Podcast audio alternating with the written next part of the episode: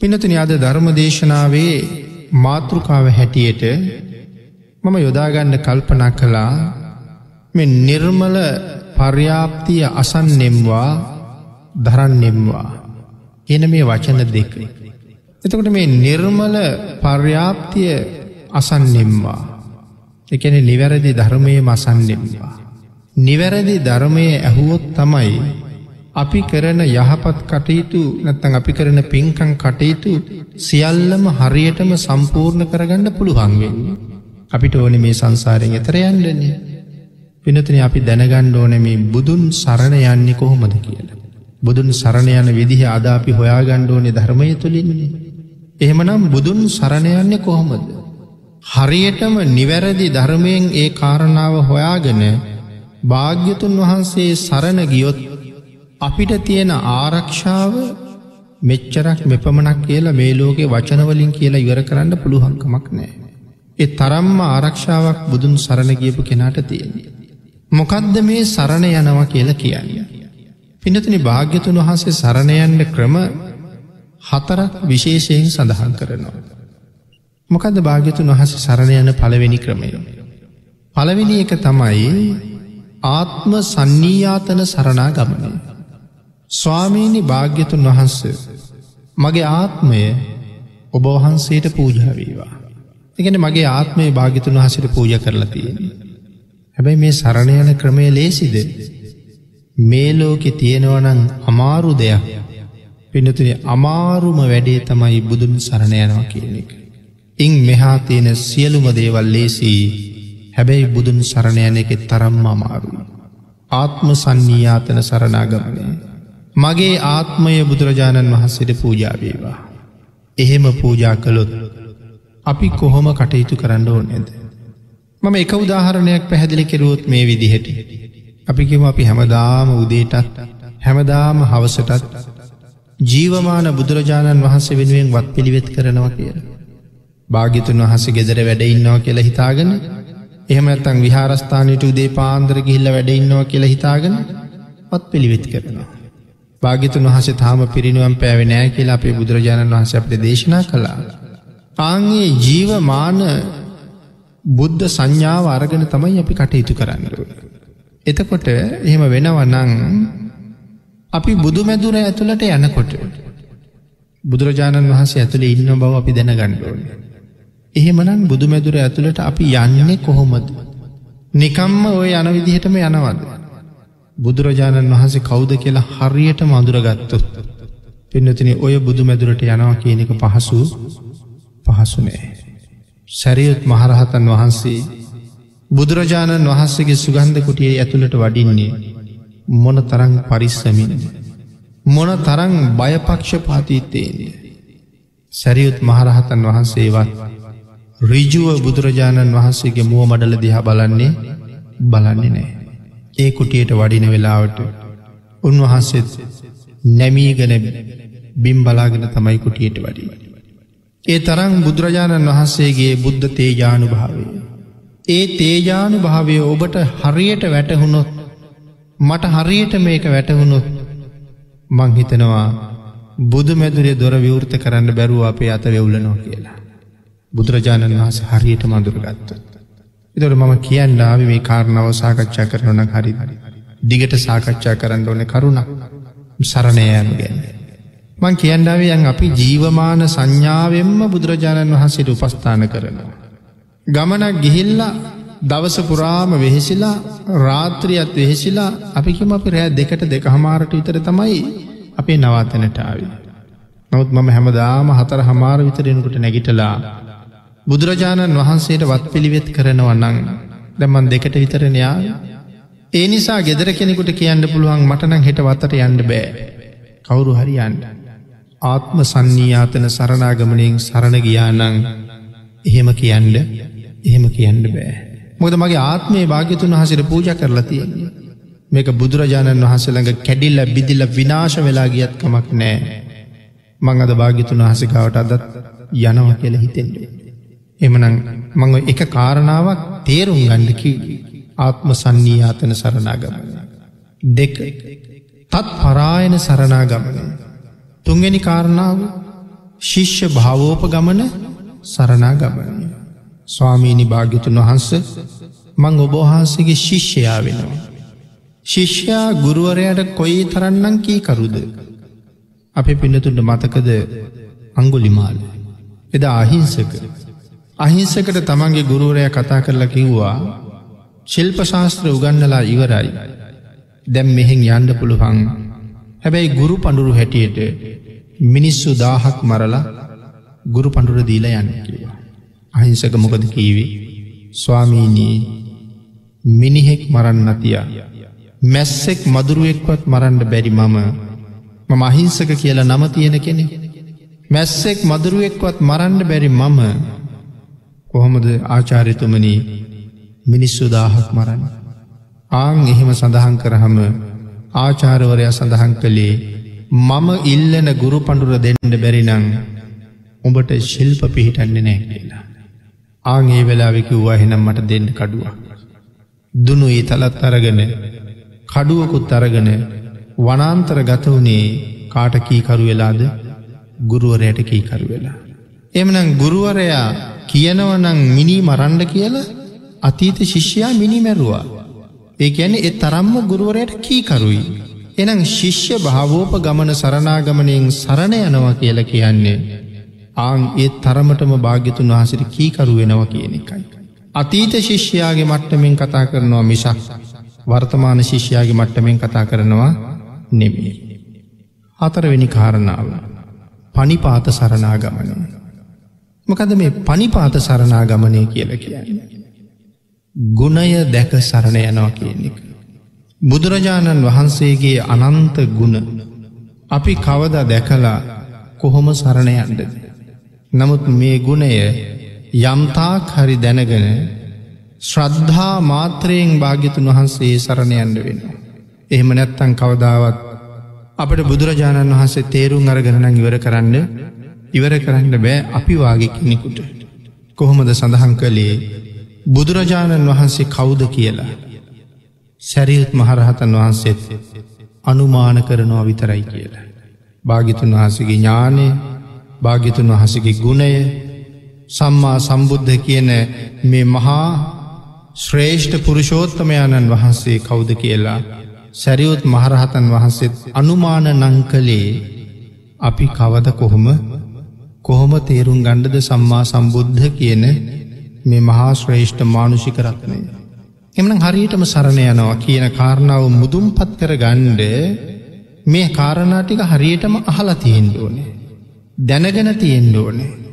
එනම් ඒ කරුණු අහන්ඩ ලැබෙන්නේ දැනගණ්ඩ ලැබෙන්නේ නිර්මල පර්යාප්තිය තුළින්. නිර්මල ධර්මය තුළින්. එහෙම අහල දැනගෙනයි අපිට සරණයන්ට පුළුවන්කමතියෙන්. මම සඳහන් කලා සරණගියුත් ලැබෙන ලාභ මොනවද කියලා. මොනවද ලැබෙන ලාභ පළවෙනි ලාභය අපාය බයින් විදෙනවා. ඊටත් වඩා ලාභයක් මේ ලෝකෙ ලැබෙන්ඩ තියෙනවා. ඊට වඩා වෙන ලාභයක් නෑනේ. ඒකේචි බුද්ධං සරණං ගතාසේ නතේ ගමිස්සන්ති අපාය භූමින් පහාය මානුසන්දේහං දේවකායන් පරිපූරෙස්සන්ති.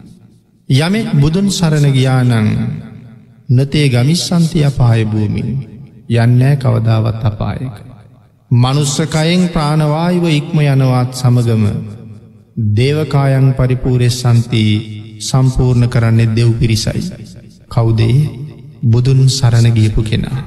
ඒ කියන්නේ කවුද බෞද්ධයා. හැබෑ බෞද්ධයා නිරයට යන්නෑ කියන කාරණාවයි කියලතියෙන්. එහෙමනම් අපි හැබැවිම්ම බෞද්ධයෝ බවට පත්තෙන්ඩුවන.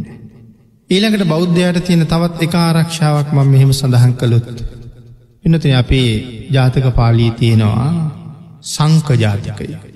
සංක කියන බ්‍රහ්මණතුමා ඒ කියන්නේ අපි බෝසතණන් වහන්සේ. අබුද්ධෝත් පාද කාලයක දන් දෙනවා. දවසකට කහවනු ලක්ෂ හයක් වියදන් කරන. දානශාලා හයක් තියෙනවා ඒ දානශාලා හයේ දවසකට කහවනු ලක්ෂයක් එක ශාලාවක වියදන් කර. එතකොට හයක් වෙනකොට දවසකට ලක්ෂ හයක් කහවනුවලින් වියදන් කරන. මෙහෙම දන්දීගෙන යනකොට සංක බ්‍රහ්මණ කියන අප්‍රමාණ ධනවතේ. නමුත් මේ විදිහට දීගෙන දීගෙන යනකොට එයාගේ දනස්කන්දේ ටිකෙන් ටික ටිකෙන් ටික ශයවීගෙන ශයවීගෙන යනවා. සංක බ්‍රහ්මුණ දන් දෙන එක නැවැත්තුවේ නෑ.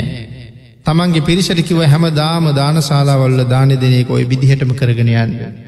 මම විදේශ ගත වෙනවා. මොකටද තව ධනය හම්බ කරන්න. දන්දෙන්ට. අත වැසියකුත් අනගහගෙන තවත් පිරිසක් එක්ක තමයි නැවක යන්නේ තනීම නැවක් යන්නෑ. එහෙම යන්න පිටත් වෙලා දැන් මගට බැස්සා. ඒ කාලේ අබුද්ධෝත් පාද කාලයක් නිසා නමුත් පසේ බුදුරජාණන් වහන්සේල වැඩ හිටිය. පසේ බුදුරජාණන් වහන්සේ උන්වහන්සේගේ ඥාන ශක්තියෙන් දැක්කා මහසත්වයෝ දන්දෙන්ට ධනය හොයන්ඩ විදේශගත වෙන්ඩයි සූදානව. අතර මගදී මහසත්වයන්ට කරදරයක් වෙයිද කියල බැලුවා. බලහම දවස් හතක්කින් ඒ යන නැව මුහුදු බත්වෙනවා. එහෙමනම් මහසත්වයන්ට මං රැකවරණයක් හදන්ඩුවන. එහෙම හිතලා දැන් බෝසතාණන් වහන්සේ අතවැසියත් එක්ක නැව් නගින්ඩ තොටට යනවා. පසේ බුදුරජාණන් වහන්සේ බොහොම කාෂ්ට කව්වේ පිච්චි පිච්චි රත්වෙලා තියෙන වැලි තලාව උඩ උන්වහන්සේ වඩිනවා. උඩිනුත් අව්ව බිමත් හොඳටෝම වැලි රත්වෙලා. මේ වඩිනව දැක්කා සංක බ්‍රහ්මණතුමා. දුවගෙන ගියා බුදුරජාණන් වහසකාවට. දුවගෙන ගිහිල්ල භාගිතුන් වහසට කතා කළා. ළඟ තිබිච්ච ගහක් යට වැලි ගොඩ එකතු කරලා එකතු කරලා උත්ශාසනයක් හැදවා. ඒක උඩ නිසීදනය එලුවා. එලකිව ස්වාමීණී මට අනුකම්පා කරන සේක්වා. මේ ආසනය උඩ මදක් වැඩඉන්නවද කියලා ඇහවා. බුදුරජාණන් වහන්සේ ආසනය උඩ වැඩ හිටිය. පෙරල පැන්ගෙනල්ලා බුදුරජාණන් වහන්සේගේ සිරිපතුළ දෝවනය කළා. සිරිපතුලි තියෙන තෙත මාත්තු කරලා තමන් පාවිච්චි කරන පාවහන් දෙක හොඳට පිහල හෝදලා පිරිසිදු කරලා ඒ පාවහංවල සුවඳ තෙල් ගැල්වා. සුවඳ තෙල් ගල්වලා ඒ පාවහන් දෙක භාග්‍යතුන් වහන්සේගේ සිරිපතුලට පාවිච්චි කරන්න පූජ කළා. තැඟ රත්වෙච්ච වැලිවුඩනි වඩි තමන්ගේ කුඩේ බුදුරජාණන් වහසට පූජා කළා අව්වට පිච්චෙන් දෙපා මට අනුකම්පා කරලා මේ කුඩේ පාවිච්චි කරන්න කියලා. චත්‍රයත් පූජා කරලා පාවහන් දෙකත් පූජා කළා බුදුරජාණන් වහන්සේ ඒත් දරාගෙන ඉරදියක් දක්වලා අහසට වැඩලා මේ අයට පෙනෙන්ඩ මහසිම්ම වැඩම කළා. ආගේ ප්‍රීතිය හිතේ තිබ්බා. දැඟතකොට බුදුරජාණන් වහසේ ඇයි වැඩී අර නැවේදි සිද්ධ වෙන සිදුවීමෙන් මහසත්වයෝ බේරගන්නට. එතකොට අපේ මතක තියාගන්න වන පූජා කෙරුවේ පාවහන් සහ චත්‍රය. ඒ ප්‍රධාන වශයෙන් පූජා කරපු දේවල්. ඉර්වසේ නැව් නැගල කට්ටියම නැවේ පිටත් වුණා. හත් දවසක් යනකොට නැව් මුහුදු බත්තිෙන්ට පටන්ගත්ත.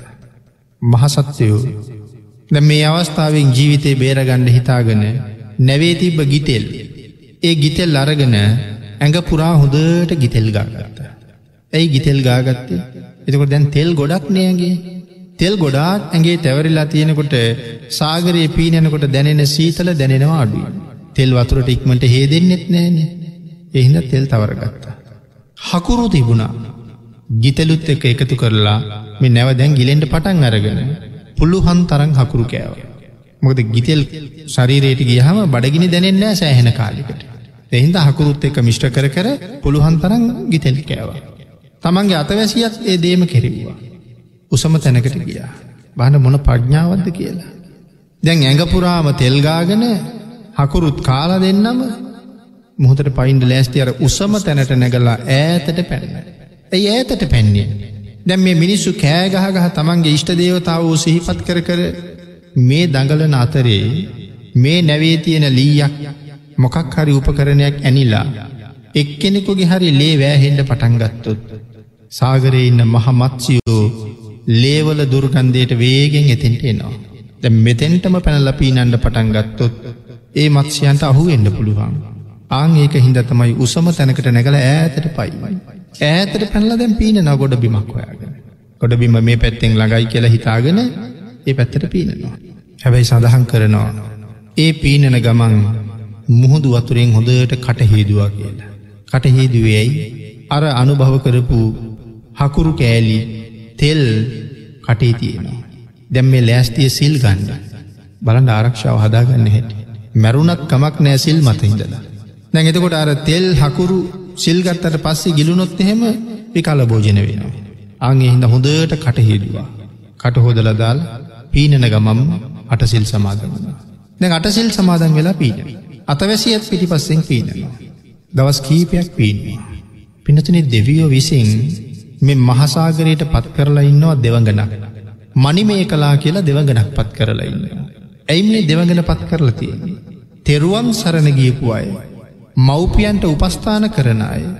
සාගරයට වැටුණොත් ඒ අය බේරන්ඩයි මනි මේ කලාව පත් කරලා තියෙන්නේ.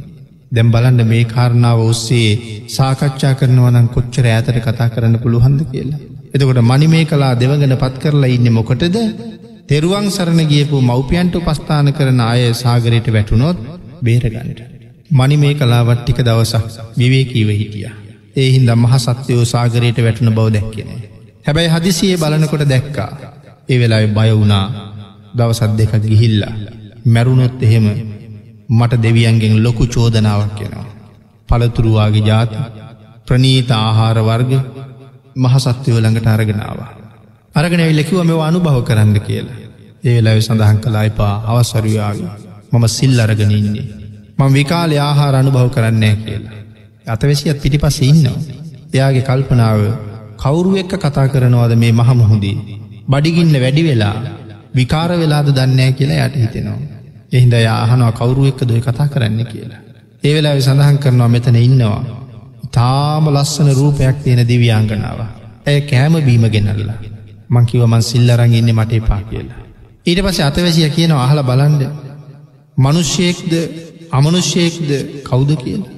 ඉට පස තමයි කෞුද කියලා හන්නේ. ඉට පසි තමයි සඳහන් කරන්න මම ආවේ ඔබ බේරගන්න කියලා. ඒ වෙලාව සඳහන් කළා මම බේරගන්නවා කියන්නේ ඇයි. මගේ පිනකින් මම බේරනවද නැත්තං ඔබේ කරුණාව හින්ද මම් බේරනවාද කියලා හන. නෑ ඔබේ පිනෙන් ඔබ බේරනවා. මොකත් දේ මහපින ඒලා දෙවඟ නහනව මතක නැද්ද. අදට දවස් ගානකට කලින් මේ ගමන එන්ඩ පිටත් වෙලා මගති කරපු පින්කම මතක නැද්ද කියල. ආගේ කුසලය හරි බලව. ඒ නිසා මනි මේ කලා දෙවගෙන නැවක් මවල ඒ නැව සත්‍රුවන් නොලින් පුරවලා සංක බ්‍රහ්මණතුමා ඒ නැවෙන් උත්සලා තියෙනවා. දැකතොට අතවැසිය බ්‍රහ්මණතුමා විතරය උත්සලාගෙන. අතවැසිය ගත්තනේ. බ්‍රහ්මණතුමාහනෝ දැන් මගේ අතවැසිය ගන්න ඇත්තේ ඇයි කියලා. එයා ගණ්ඩ බෑකිව්වා. ඇයි එයා ගණ්ඩ බැරි කියලැහුවා. එයාට තිසරණ නෑ කිවා. බලන්ඩ තියෙන ආරක්ෂ. යට තිසරණ නෑ ගණ්ඩ බෑකිවා. බොසතණන් වහන්සේ නැවේ ඉඳලම තමන්ගේ අතවැසියට තිසරණ සමාධන් කරන. ආං ඊට පසේ අතවැසියත් අරගෙන නැවී තියෙන. එතොට මතකද මගදි පූජා කරපු දේවල් පාවහන් චත්‍ර එතකොට අපේ ශාසනයේ පාවහම් පූජාව කියල කැනෙ මොකක්දේ පූජාව පාවහං පූජාව කියල කැන යානා පූජාව හොඳ පාවහං පූජා කරනවා කියල කියන්නේ සංසාරයට හොඳ යානවාහන හම්බෙනවා කියන එකයි. එමනං ඒ පාවහං පූජාව මේ මහපොලෝ උඩ විතරක් යානා නෙමේ මැවුණේ මහසාගරයේ යානා හම්බුනෙත්තේ පිණින් දෙවගෙන කිව්වන ඔබ කරපු පිනෙන් පිහිට වෙනවාන කියලා එ මොට තරම් වටිනවා දේවාගේ පින්කම්. දැඟතෝට ඒ දේවල් අපිට අහලා දැනගණ්ඩ තියෙනෙ කොහෙන්ද නිර්මල ධර්මය තුළින්මයි. ආගේ කරුණු දැනගෙන එහෙනම් අපි කෝමද පින්කං කරන්න ඕනි කියන කාරණත් අපි ජීවිතයට එකතු කරගණ්ඩෝනය. සංසාරය නිවන්දක්නා ජාති දක්වා ආරක්ෂාව හැදෙන විදිහට පින්කං කරන්න අපි ප්‍රඥාවන්ත ප්‍රඥාවන්ත වෙන්ඩෝනේ. එතකොට එහෙනම් තෙරුවන් සරණ ගීප එක එතන තිබිච් ආරක්ෂාව. එනම් හොඳට සරණ තියෙන හොඳට පින්තියෙන අය මහසාගරයට වැටුනක් දෙවියෝ හරි බේරනවා. ඒ කාරණාව තේරුම් ගණ්ඩ මේ රටේ අවස්ථා කීයක් අපිට තිබුණද. පෙනතින අපි කාලයක් දැනගෙන හිටියේ නෑ මහමුහොද ගොඩට එනවා කියලා. කැලනිතිස්ස රජ්ජුරුවන්ගේ කාලයේ මහමුහොද ගොඩට ගැලුව කියන කාරණාව අපි ඒ තරම්ම පිළිගත්තේ එ තරම්ම පිළිගත්ත නෑ. හැබැයි අපි පිළි නොගත්ත ඒ කාරණාව මීට වසර කීපයකට කලින් අපේ ජීවිතයේ අපේ දෑස් ඉස්සර අපිට අපිට දකිින්ඩ දකිින්ඩ ලැබුණා. මෙතෙක් පිළි නොගත්ත කාරණාව අපිට පිළිගණ්ඩ සිද්ධ වුණා. නමුත් මේ කාරණාව අපේ ජීවිතවලට තව කොච්චර දේවල් එකතු කෙරුවද හරියට හිතුවන. මහසාගරයේ ඉන්න දෙවිවරු අනුකම්පා කරලා මිනිස්සු බේරනවනං. ඒ වෙසනයෙන් කී දෙනෙකගේ ජීවිත නැති වුණාද. හැබැයි ටික දෙනෙක් බේරුණා. ඒගොල්ලන්ට විශේෂ පින් තියෙන්ට නැතුව ඇද්ද. පොල්ගස්වල එල්ලත් බේරුණා. ගල් පරවුඩ එල්ලත් බේරුණා. මංහිතන අර කෝච්චිය ගියපු කෙනෙකුත් දරුවකුත් බේරිලා පහුගේ දවසලත් අන්තර්ජාලය මන්දක තොරතුර ඉදිරිපත් කරලා තියෙන. ඒ කාරණාවත් එහෙමයි. මිනිස්සුන්ට ඇස් ඇරෙන්න්න කොච්චර දෙයක් වුණාද අපේ අයට මතකද කැඩිල්ල බිඳිල විනාශ වෙලා තිබිච්ච ගොඩ නැගිලිවල ස්වභාවය. තට්ටු දහය පහලෝති බිච්ච ගොඩ නැගිලි පස්සෙ දැක්කි අත්තිවාරං විතරයි. ඒවුනාට හිතල බලන්නකෝ කොතනවත් තිබිච්ච පුංචි හෝ බුදු පිළිමයක් විනාශ වෙලා තිබ්බද කියලා. මේ තරං දැවන්ත ගොඩ නැගිලි විනාශ කරපු මේ මහරැල්ල ඇයි එකම බුදු පිළිමයක්වත් අරංගිය නැත්තේ. ඒ කාරණාවෙන් අපේ ඇස්සැරෙන් ඕනෙ නැද්ද. අර පහුගේ කාලෙ නාය ගීපු තැනකත් ගමක්ම යට කරලා දැම්ම. හැබැයි බෝධියක් ගාව එක බුදුකුටිය ඉතුරු වෙලා තිබුණ එහෙම. සමහරයනං අහල තිබුණා ගමක් වනසලා මොකටද බුදු පිළිමයක් ඉතුරු කෙරුව කියලා. හැබැයි හිතන්ඩ ප්‍රඥාව තිබෙනෑ ඇයි මේක ඉතුරුණේ කියලා. එහෙමනං සරණ තියෙන අය ගුණ තියෙන අයට මහසාගරයේ සලකනවා කියන කාරණාව අපිට පේනවා භාගිතුන් වහසේට මේ මහජල කඳ සල කලා තිබිච්ච හැට. අර බේරිච්චායටත් බොහෝ විශේෂ අනුකම්පාවක් වගේම බොහෝ කුසල්තියෙන් ඇත්. එනම් භාගිතුන් වහසේ සරණ යෑම මොන තරංනම් අපිට ආරක්ෂාවක් හදනවාද. ඉතින් ඒ නිසා අපි හරියටම භාග්‍යතුන් වහස සරණ ගියා නං මේ බෞද්ධ කියල ඉපදිච්ච ජීවිතේ අපාය බයෙන් අපි නිදහස් කරනවා කියන කාරණාව තවත් සැක උපදවන්ඩ දෙ ඊළඟ කාරණාව තමයි පිඩතින ඒ සරණයෑම තුළ බුදුරජාණන් වහන්සේ පිළිබඳව අල්පමාත්‍ර සැකයක් ඇති නොවෙන්ඩෝනේ. ඔය විදිහට සරණයනවා සරණ බිඳෙන හැති දැන ගණ්ඩෝනේ. වෙනත් කෙනෙක් මගේ ශාස්තෘ තනතුරේ තියාගත්තොත් එදාට භාග්‍යතුන් වහන්සේගේ ශාස්තෘත්වය මගෙන් අයින් වෙනවා. බුදුරජාණන් වහන්සේ මට සැකහිතෙනවනං එදාටත් භාගිතුන් වහන්සේ මගේ ශාස්තෘත්වයෙන් අයින් වෙනමට සැකයි භාගිතුන් වහසේ. ඒ නිසා. සමහර කෙනෙක් හිතන්ට පුළුවන් බුදුරජාණන් වහන්සේරං පිළිගන්නවා හැබැයි ඔය දෙතිස් මහාපුරුෂ ලක්ෂණ අසුවක් අනු ව්‍යංජන ලක්ෂණ දෙසිය දාසයක් මංගල ලක්ෂණ මේ ව්‍යාම ප්‍රභා අසිති හස්ත්‍ය ප්‍රභා ෂඩ්වර්ණ රශ්මි මාලාව මේ දේවල්නම් අපි පිළිගන්නේ අපි පිළිගන්නේ නෑ කියලා කෙනෙක් කියන්න පුළුවන්. නමුත් සරණ බිඳෙන්ඩ මේ එක අනු ව්‍යංජනයක් හෝ මං පිළිගන්නේ නෑ කියල සැක ඉපදෙව්වොත් සරණ බිඳෙන බවයි සඳහන් කරල කරන්න. ආං ඒකයි සඳහන් කළේ හරියටම සරණ පිහිටන්ඩ අපිට භාගිතුන් වහස කවුද කියලා හරියටම තේරුම් අරගණ්ඩ වෙනවා. සැක නැතිවෙන්ඩ වෙනවා. බුදුරජාණන් වහන්සේ මොනතරං රූපයෙන් ලස්සනද. මොකද මේ ව්‍යාම ප්‍රභා කියල කියන්නේ. බුදුරජාණන් වහන්සේගේ ශරීර දහතුවේ ඉඳලා පිටට විහිදෙනවා රියන් හතරක් විතර ඈතට රශ්මික දම්වයක්. එතන ඉඳල ආපහු එලියට රියන් අසුවක් විතර දුරට විහිදෙනවා තවත් රශ්මික දම්බයක් මේ ෂඩ්වර්ණ රශ්මිය විහිදෙන්නේ.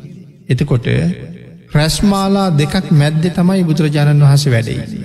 එකක් රියන් අසුවක් දුරින් අනිකරියන් හතරහලවීම. අසිති හස්තිය ප්‍රභාවේ රියන් අසුවක් දුරින් ව්‍යාම ප්‍රභාවය රියන් හතරහලවීම. දැ මේ මැනික් ප්‍රාකාර දෙකක් වගේ භාගිතුන් වහස වැඩයි නිවේ ප්‍රශ්මිකා දම්බ දෙක ඇතරී. නමුත් භාගිතුන් වහස මොන පාට දේතකොට රන්නන් පාටයි. තකට මැනික් ප්‍රාකාර දෙකක් මැද්දේ ගණරත්තරං පිඩක් තිබ වගේ භාග්‍යතුන් හසේ ශෝභමාන වෙලා වැඩ ඉන්නකොට. ඒ සුන්දරත්වය දැකලා කාටද පැහැදීමක් ඇතිවෙන්න ඇත්ති. භාග්‍යතුන් වහන්සේ පිළිබඳ අල්ප මාත්‍ර සැකයක්වත් අපි ගාව ඇති වෙනවනං මේ බුදුන් සරණ කියන කාරණාව අපෙන් ඇත්තලා යන. බිඳිල යනවා එරැකවරණය අපිට නැතු යනවා. එමනං ඒ කරුණු අපිට දැනගණඩ වෙන්නේ නිර්මල පර්යාප්තිය තුළින්මයි. ඊළඟට ඒ නිර්මල පර්යාප්තිය අපේ ජීවිතවලට ධාරණය කරන්න ඕන. මේ රටේ නිර්මල ධර්මය දේශනා කරන්න නැද්ද ඕන තරං යතිවරයන් වහන්සේලා නිර්මල ධර්මය මේ රටේ දේශනා කරනවා. නිර්මල ධර්මය දේශනාවෙන. හැබැයි මේ කාලේ අපිට පවතියෙනවද අපිට දරන්ඩ තරම් පින් නෑවගේ. ධර්මය දේශනා වෙනවා නමුත් දරන්නෙම්වා කියන කාරණාව අපිකාවනෑ.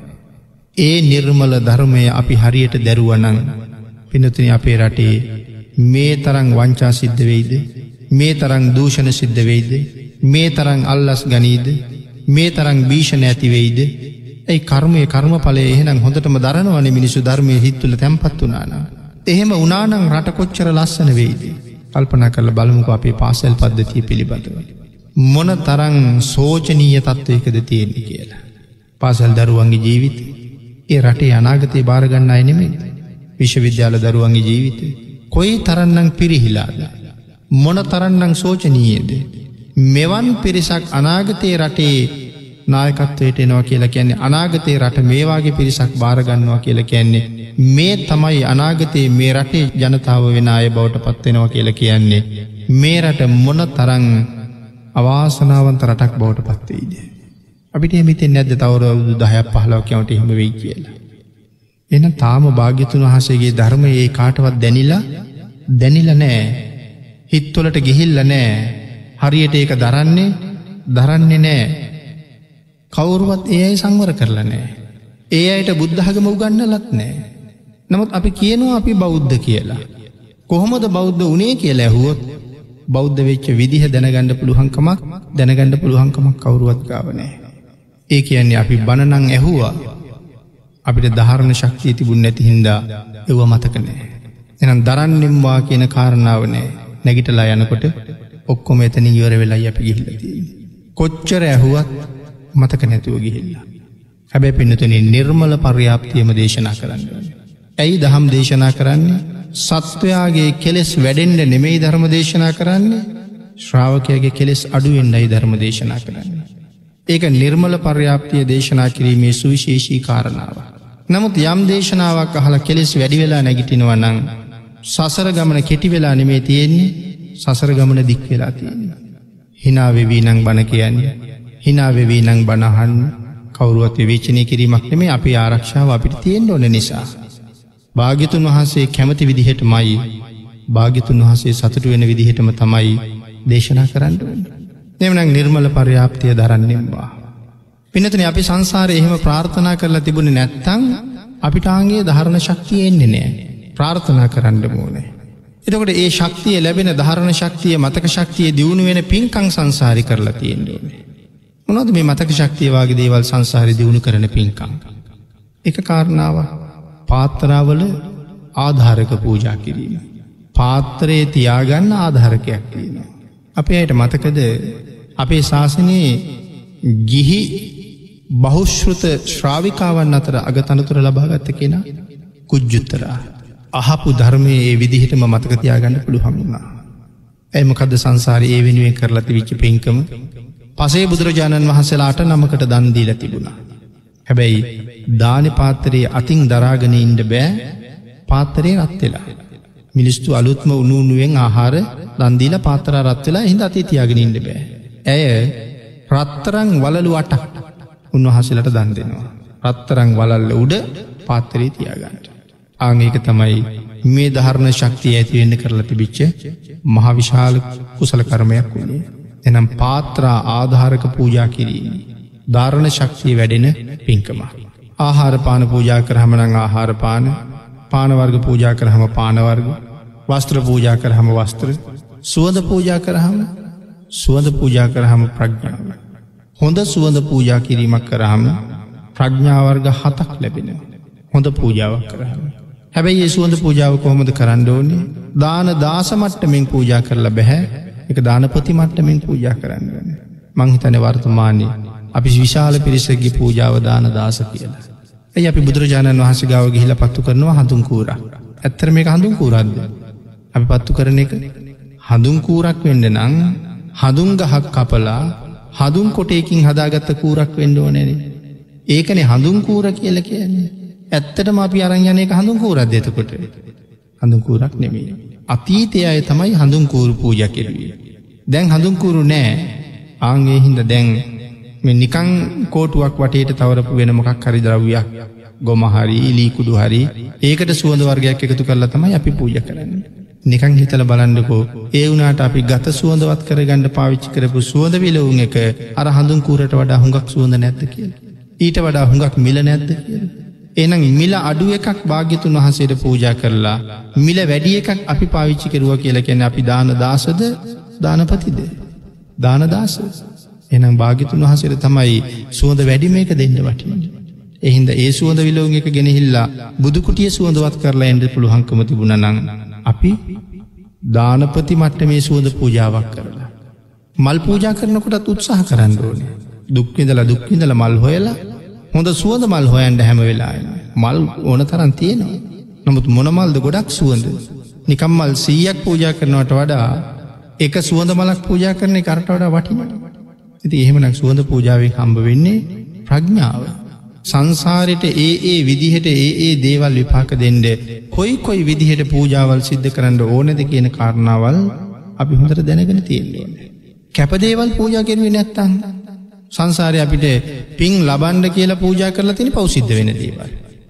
පූජා කරන්න පින් සිද්ධ වෙන්ඩ නමුත් දන්නමනතු සිද්ධ වෙන්නේ සිද්ධ වෙන්නේ පව්. හවසට පූජා කරන චතු මදුර නැහැතන් අපි ගෙනව පංච මදුරු ඒවට මොනවද ඇත්තරම එකතු කරන්න තියෙන්නේ. ගිතෙල් බටර් තලතෙල් මී පැණි උක් පැන් ඒ පංච මදුරෝල්. සමහර වෙලාවට ශ්‍රද්ධාව වැඩිහින්ද සමහරය මෙවට එකතු කරනවා විලඳ. රස වැඩි වෙයි නමුත් කැපයි දහවසට කෑලි හැපෙනව නැතිකට. එතකොට අප කැප පූජාවක් අවසර කරලති. මුද්‍රක් පළං එකතු කරනවා. පූජාවක් කැපයි. එතකොට දායකයට පින්ද සිද්ධ වනේ පව්. සීලවන්තයන්ගේ සිල් බිඳින්ට උදව් කරලා තියෙනවා මිසක් උන්වහන්සේලාට සිල් රකිින්ට උදව් කරලා උදව් කරලනෑ. අද අපේ රටේ සාමාන්‍ය උක්කර්මාන්තය තියනෙ තාම පල්ලහ මට්ටමක. එහින්ද උක් පැණි උක්කකුරු හොයන්ට හරි අමාරුයි. හැබැයි චතුමදුර පංචමදුරුවලට එකතු කරන්න ඕනේ කිතුල් හකුරු නෙමෙයි උක්කකුරු. උක්කකුරු උක්පෙන්. හිතුල් හකුරු එකතු කරලා දුන්නත් මොකද වෙන්නේ. අපේ අයි කල්පනා කරල බලන්නක අපි ස්වාමීන් වහසලට හැන්දෑවට තැමිලි වතර පූජ කරනවාද කියලා. ඇයි අපි තැමිලි දෙන්න ඇත්තේ.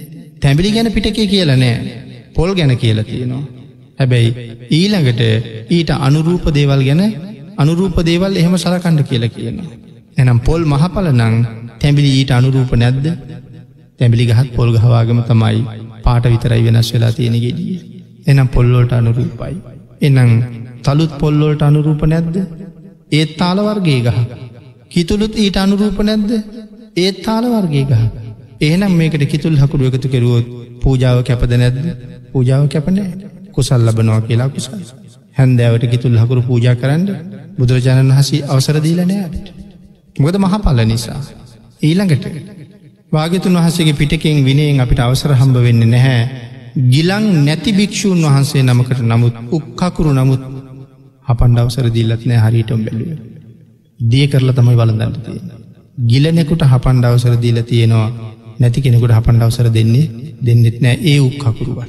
එනම් අපේ උක්කර්මාන්ත ශලාවත් බොම දුරුවල මට්ටම තියෙන නිසා උක්කකුරු පැණි හොයන එක අදහරි දුර්ල බයි නමුත් උක් පැණි නෑ කියලා උක්කකුරු නෑ කියලා කිතුල් හකුරු එකතු කරලා කෙරුවොත් පෞසිද්ධ තමයි වෙන්න. එන දුක්විඳලා උක් හොයලා උක් මිරි කලා පැනිහදලා හකුරු හදලා පූජාවක් කරගත්තොත් ඒක මහත් පලයි මහානි සංසදායකයි ඇබ හුඟත් දුක් විඳින්ට වෙනවා. දුක් විඳින තරමට පූජාව පූජාව හරියාන සංසදායකයි.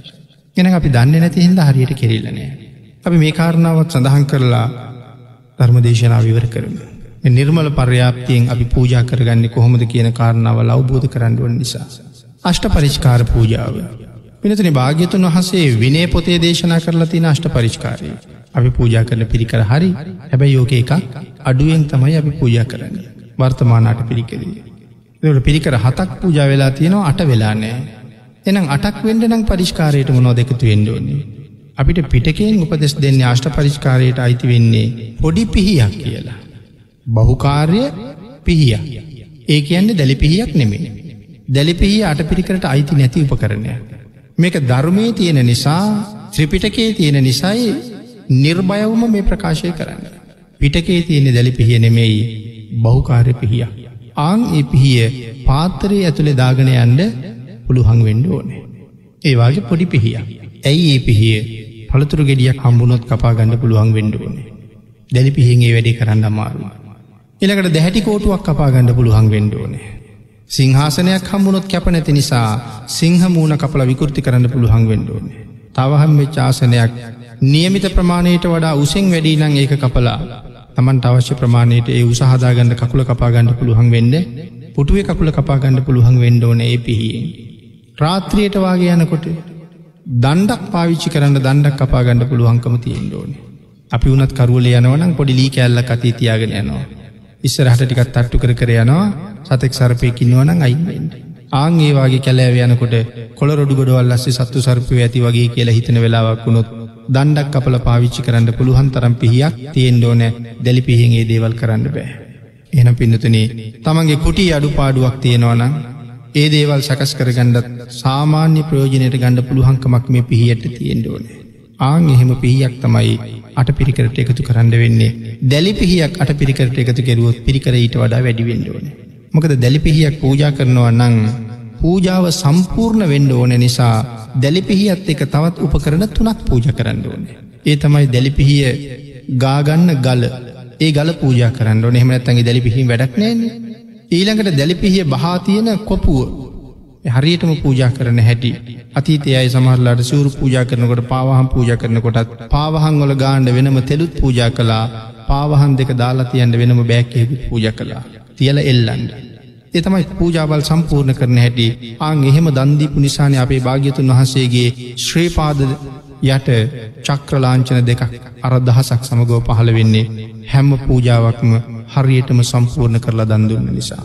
සිවුරු පූජා කරනකොට සිවුරත් පූජ කලා පඩුවර්ගත් පූජ කලා හෝදගන්න කොළත් පූජ කලා සිවුර වනාගණ්ඩ වැලකුත් ලනුවකුත් පූජ කලා මේ ආදී අවශ්‍ය දේවල් ඔක්කොම එකතු කරලන්න පූජා කරලා තියෙන්නේ. එතකොට සම්පූර්ණ පූජාව රවුන් වෙලා තියෙනවා. ආං එහෙම හැම්ම දෙයක්ම සම්පූර්ණ කර කර සංසාරි දන්දීපු හින්ද තමයි චක්‍රලාංචන දෙක සිරිපදල ඇත පිහිටන්නේ. එහමනම් දැලිපිහිය පූජා කරනටත් අනිවාරයෙන් තෙල් ගල පූජ කරන්නත් ඕන. කොපුුව පූජ කරන්නත් ඕනෑ. පිහිය කොපුුවට දාලා ඔතල තියෙන රදි කැල්ල වෙනම පූජ කරන්න වෙනම පූජ කරන්න ඕන. එහින්ද කෙස් කපන උප කරන මහ පූජාවක් එක වෙනම කරන්න ඕන. එන අපි හරියටම පූජාවක් කරනවනම් ඒ කරුණ එහෙම සම්පූර්ණ කරන්න ඕනෙතකට මේ දේවල් කොහෙද තියෙන් නෙමේ නිර්මල ධර්මරත්නය තුළ ඒ දේවල් අන්තර්ගත වෙලා තියෙන හින්දා. මාතෘකාව කරගත්තේ නිර්මල පර්යාප්තිය අසන්නෙම්වා නිර්මල පර්යාප්තිය දරන්නනවා. ඇන් ධාරණය ශක්තිය අපිට තියෙන් ඕන ඇහුවට විතරක් මදි අහන්ඩත් ලැබෙන්ඩ ඕන දරන්ට ලැබෙන්ඩත් ඕන මේ දේවල් සංසාරි ප්‍රාර්ථනා කරලා තිබුණුත් තමයි අපිට ලැබෙන්නේ. පිනතුන ඒ ප්‍රාර්ථනාව නිකම්ම කෙරුවට නං හම්බ වෙන්න හැ පංච ධර්මයක් මත පිහිටලා ප්‍රාර්ථනා කරන්නුවන. මොකක්දේ පංචධර්මය ශ්‍රද්ධාව තියෙන්ඩෝන සීලේ තියෙන්ඩෝන ධර්මශ්‍රවනය හොඳට තියෙන්ඩෝන ත්‍යාගය දානය හොඳට තියෙන්ඩෝන ප්‍රඥාව තියෙන්ඩෝන. ශ්‍රද්ධහා සීල්ල ශ්‍රෘත ත්‍යාග ප්‍රඥා මේ කාරණා පහමත පිහිටලා තමන්ගේ පූජාවල් තමන්ගේ ප්‍රාර්ථනාවල් හරියටම සිද්ධ කරනවා නං ඒව ඒ විදිහටම සංසාරී විපාක දෙනවා. යමෙක් හරියටම මේ මත පිහිටලාම මේ ප්‍රාර්ථනාවල් කරනවා නං සඳහන් කරන පින්නතින මැරෙන මොහොත වෙනකං ඒ ප්‍රාර්ථනාව අනියත වෙන්ඩ පුළුවන් මැරිච්ච තැනඉඳල නිවන්දක්නා ජාති දක්වා මේ ප්‍රාර්ථනාවේ විදිහට විපාක දෙනවා කියලා.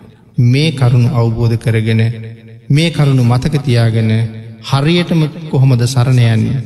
හරියටම කොහොමද අපි ධර්මය මත පිහිටන්නේ.